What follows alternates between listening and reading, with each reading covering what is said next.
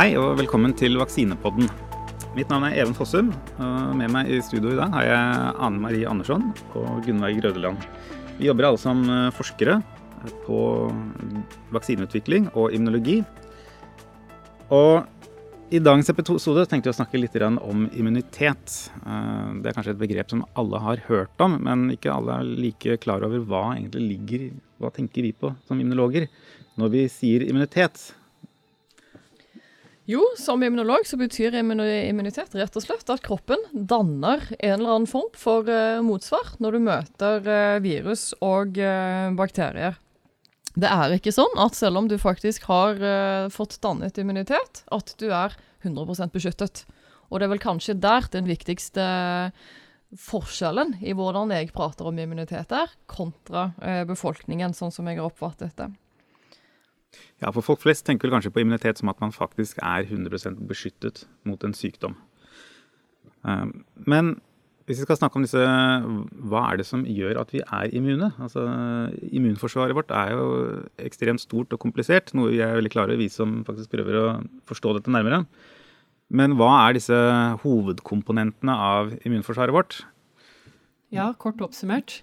Um, hvis man sånn helt overordnet skal si hva immunforsvaret består av, så vil jeg kanskje dele det i to. Hvor den ene delen er det som vi kaller sånn medfødt eh, immunitet. Og den andre delen er det som kalles eh, utviklet immunitet, eller immunitet som vi utvikler mens vi lever. Og den medfødte immuniteten er en litt sånn, uh, litt sånn et sånt uspesifikt alarmsystem, nesten, som, som, beskytter oss mot alt mulig rart som kan komme inn i, inn i kroppen eh, som er mer som en sånn førstelinje. Oi, her er det noe fremmed, her må vi gjøre noe. Vi setter på alarmen. Um, og så har du den medfødte biten, um, eller, den, eller, den, som Ikke den medfødte, den som vi utvikler eh, mens vi lever. Eh, som er den som helt spesifikt kan gå inn og kjenne igjen Oi, her er det et, uh, et meslingevirus. Det har jeg sett før. og derfor vet jeg hva det er, og derfor kan jeg beskytte deg mot det, sånn at du ikke blir syk igjen. Mm. Det er eh, en av de viktigste kjennetegnene på denne tillærte immuniteten, når du sammenligner det med den medfødte, er at du kan få eh, immunologisk eh, immunitet ved den eh, tillærte. Eh, da er det typisk enten at det dannes B-celler eller T-celler.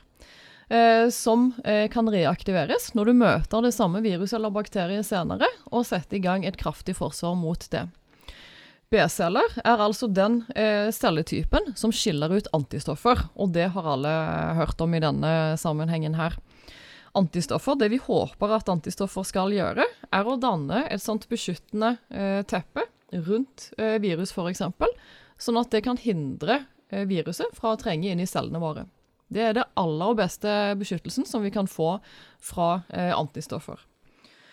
T-celler det er en uh, annen uh, del av immunsystemet, og de er òg veldig viktige. Uh, de klarer ikke hindre at de blir infiserte, men det T-cellene kan gjøre, er at de kan gjenkjenne spesifikt de cellene som allerede er infiserte av virus, og så kan de spesifikt drepe de. Så begge deler er komponenter du gjerne vil ha i en beskyttende immunrespons. Og det som, som jeg som, som immunolog syns er så fantastisk med det her, er jo sant, den evnen disse cellene har til å kjenne igjen et helt spesifikt virus eller en helt spesifikk bakterie. Og det er egentlig ganske utrolig når man tenker på det, at, at vi kan utvikle den typen hukommelse. fordi at når et virus kommer inn i kroppen din, så har kroppen din aldri sett det før. den første gangen det skjer. De vet, kroppen din vet ikke hva det er. Og likevel så har du en celle som helt spesifikt kan kjenne igjen akkurat det viruset og si det der, det hører ikke til i denne kroppen, det må jeg gjøre noe med. Og det skjer fordi at man fra evolusjonens side har utviklet seg til å ha et repertoar av disse cellene, hvor man har bare noen veldig, veldig, veldig få av hver type, men som til sammen som enhet kan kjenne igjen alt mulig fremmed. Og så når det så kommer inn et virus som er, som er fremmed, og den, de veldig få cellene som, som, har utviklet seg til å kjenne igjen akkurat det, oppdager det. Så sier de det der, det der er det jeg er skapt for å bekjempe. Og så lager de bare masse kopier av seg selv, og så bekjemper de den sykdommen. Da blir du syk, men så etterpå så sier de ok, nå er vi ferdige. Da, da forsvinner de fleste av de cellene, men noen av dem sier 'jeg skal bli her i tilfelle dette viruset kommer tilbake igjen'. Og så når du får det viruset inn i kroppen på nytt, så går det mye fortere, og så blir du ikke syk i det hele tatt. Og det at man har den evnen, det er egentlig helt utrolig. At de kan kjenne igjen ting som de aldri har møtt før. Helt spesifikt. Ja, for dette som ofte refereres til sånn immunologisk hukommelse. Det at vi har en sånn slags database av ulike sånne kjente infeksjonssykdommer vi er borti, som da der disse cellene kan dras fram ved en ny infeksjon. Eh, men vi er jo midt i en pandemi nå eh, med et, eh, ja, et nytt virus, SARS-CoV-2-viruset, som eh, det også snakkes mye om, om, immunitet mot dette. Hva vet vi egentlig om immunitet mot SARS-CoV-2 og, og covid-19? Ja, Det er mye vi fortsatt ikke vet, men vi vet at det dannes eh, immunresponser eh, når du blir eh, smittet. Eh, vi ser at det faktisk eh, dannes eh, færre antistoffresponser enn det vi hadde forventet fra en sånn virusinfeksjon, og at det ser ut til at de forsvinner raskere enn det vi hadde forventet av en sånn type virus. vi vet ennå ikke helt klart hvor lenge de antistoffene som dannes, faktisk kan beskytte. Og det er jo en av de tingene som da pågår enormt mye forskning i øyeblikket. Både å finne ut hvor lenge de faktisk beskytter, og hvilken mekanisme de har som uh, sin hovedfunksjonsmåte. Mm. Vi vet at det er T-celler som òg vi regner med bidrar til beskyttelse. Og det som egentlig er skikkelig kult, er at det er forkjølelsesvirus som eh, ligner på SARS-CoV-2. De tilhører samme familie. Eh, vi vet nå at eh, T-celler mot disse tidligere eh, sesongkoronavirusene faktisk kan reagere mot eh, SARS-CoV-2. Eh, og det indikerer jo at det kan være grunnlag for en viss beskyttelse i befolkningen som utgangspunkt mot SARS-CoV-2. Men vi vet faktisk ikke om det er tilfellet, for vi vet ikke i hvilken grad disse T-cellene faktisk beskytter. Så det er en av de virkelig store temaene det forskes på akkurat nå.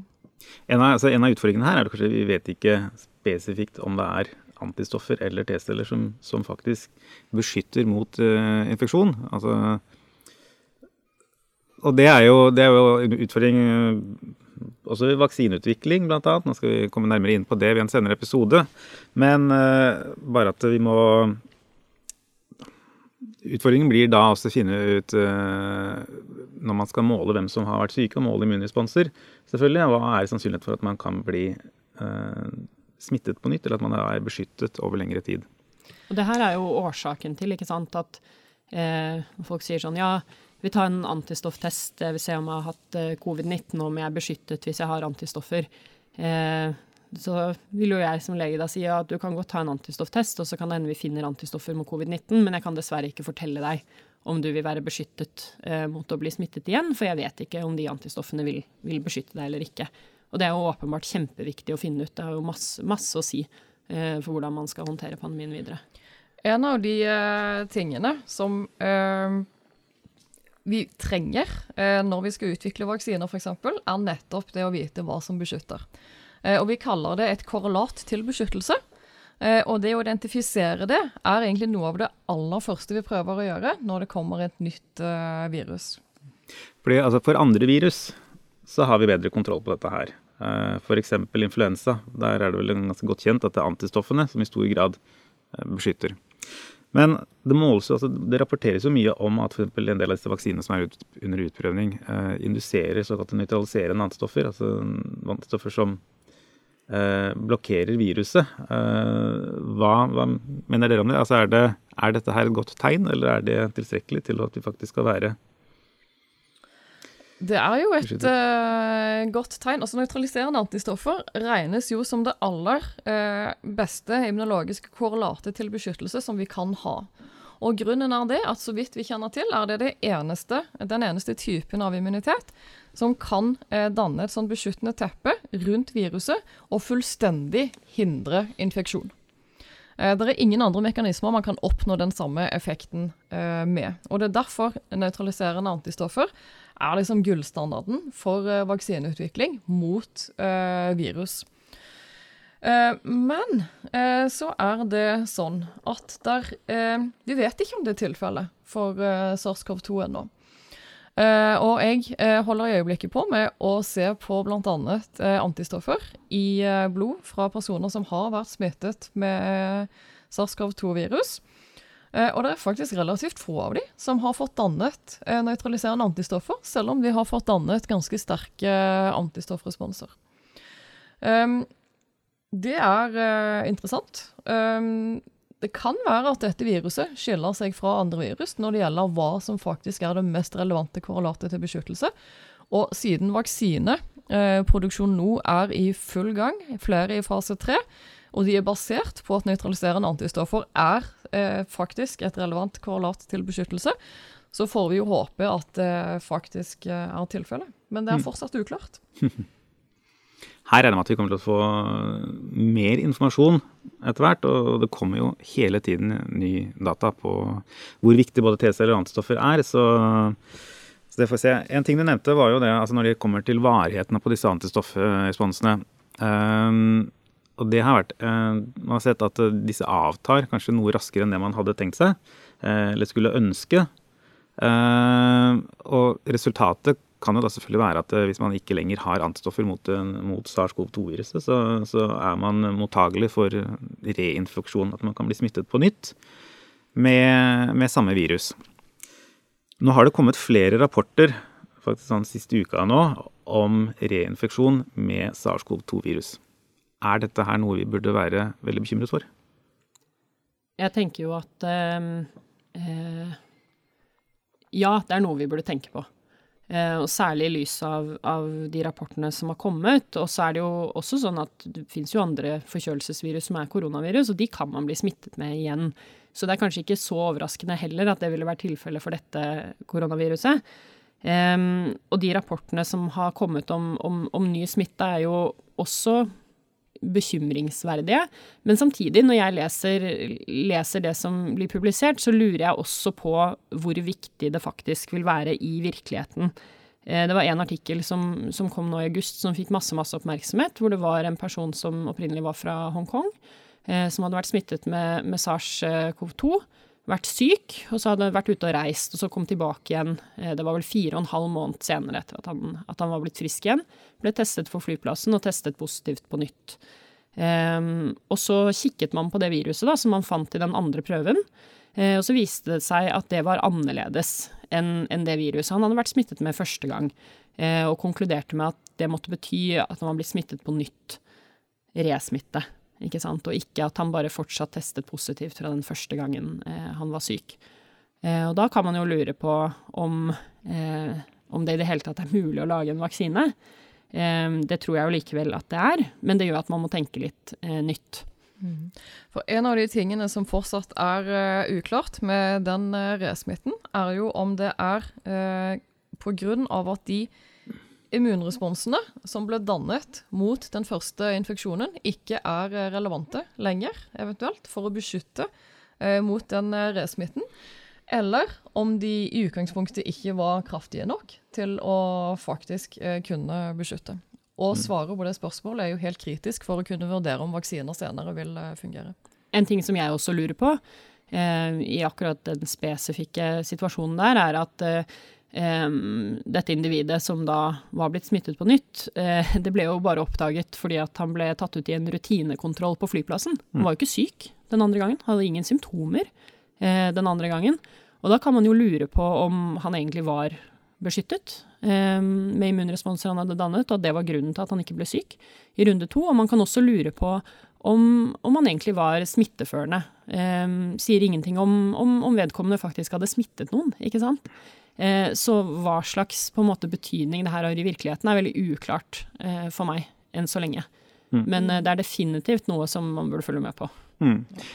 Men dette, dette, passer jo egentlig greit inn med det man kjenner fra andre koronavirus fra tidligere. Eh, jeg vet at det er gjort noen studier på, på hvor hyppig man faktisk kan bli smittet på nytt ved andre eh, koronavirusinfeksjoner. Og observasjonene der lå at dette her var på omtrent ett år ca. Hadde man da, var man beskyttet før man da kunne bli smittet på nytt. Mm. Så sannsynligheten er vel at vi kommer til å se eh, mer av dette her, vil jeg tro. Det kommer sannsynligvis kommer flere rapporter om resmitte eh, i nærmeste fremtid. Men som du sier, hvorvidt dette her da Så lenge personen som blir smittet på nytt, eh, blir mindre syk i runde to, så vil det jo ha lite å kanskje å si for, for, den enkelte, men det vil kanskje ha noe å si på i hvilken grad man klarer å altså, Hvor mye virus som kun, vil kunne være i sirkulasjon i befolkningen. For da betyr hvis disse også er smitteførende, som du sier, så vil jo det være flere potensielle eh, smitteførende mennesker ute i samfunnet. Det er sannsynligvis en blanding av eh, flere ting her òg. Fordi hvis du ser på erfaring med de som har blitt smittet av SARS-CoV-1 tidligere, mm. som jo forårsaket et eh, utbrudd som ga alvorlig sykdom og eh, død, var det i 2003. Eh, da eh, de personene som eh, ble smitta da, er nå rapportert å fortsatt ha såpass sterke immunresponser at man ville forventet at de kunne bli beskyttet mot reinfeksjon. Sånn at her er det mulig at på en måte i hvilken den dosen av virus som du har blitt eksponert for, at den kan påvirke både i hvilken grad du får danna langvarige og beskyttende immunresponser, Eh, og i hvilken grad de faktisk kan eh, beskytte mot reinfeksjon. Så her er det sannsynligvis flere svar på samme spørsmål òg. Det mange også kan si, er at eh, det er en del av disse spørsmålene som faktisk ikke kan besvares uten at det har gått noe tid. Mm. Hvor lenge du har antistoffer, det kan du ikke svare på før det har gått noe tid.